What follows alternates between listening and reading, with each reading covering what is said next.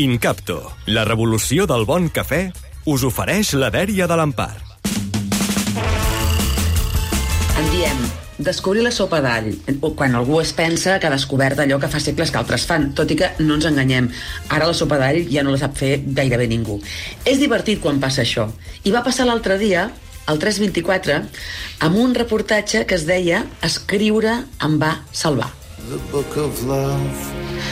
El text de, de, de la notícia deia així La Berta, l'Estel i l'Ariadna expressen els seus sentiments en una mena de diari personal analògic, un acte creatiu i revolucionari en plena era digital cada cop més estès entre els joves.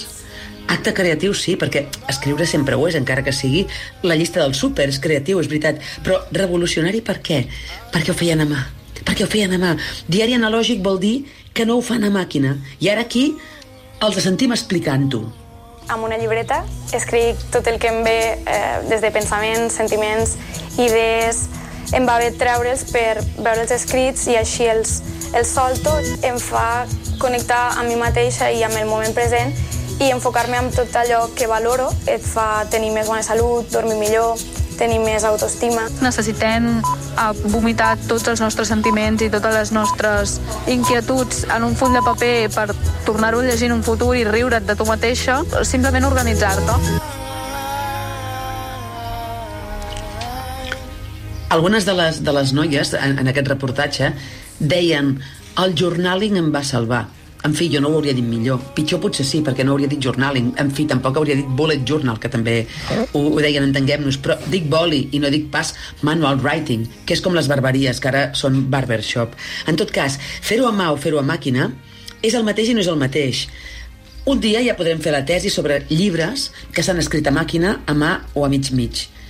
Jo he escrit i escrit diaris, dietaris també. Alguns que donaré a llegir, alguns que no donaré a llegir mai. Ara bé, quan vaig començar a escriure, a l'edat d'aquestes mm, punzelles, ho feia a mà, per diverses raons. Perquè llavors no hi havia ordinador i l'Olivetti feia un soroll que enyoro molt i se sentia si ho feies de nit. Un diari l'escriu sempre en moments tristos, és a dir, quan et deixa moltes pàgines, quan et diu que t'estima res, una noteta, perquè estàs massa ocupat sent feliç.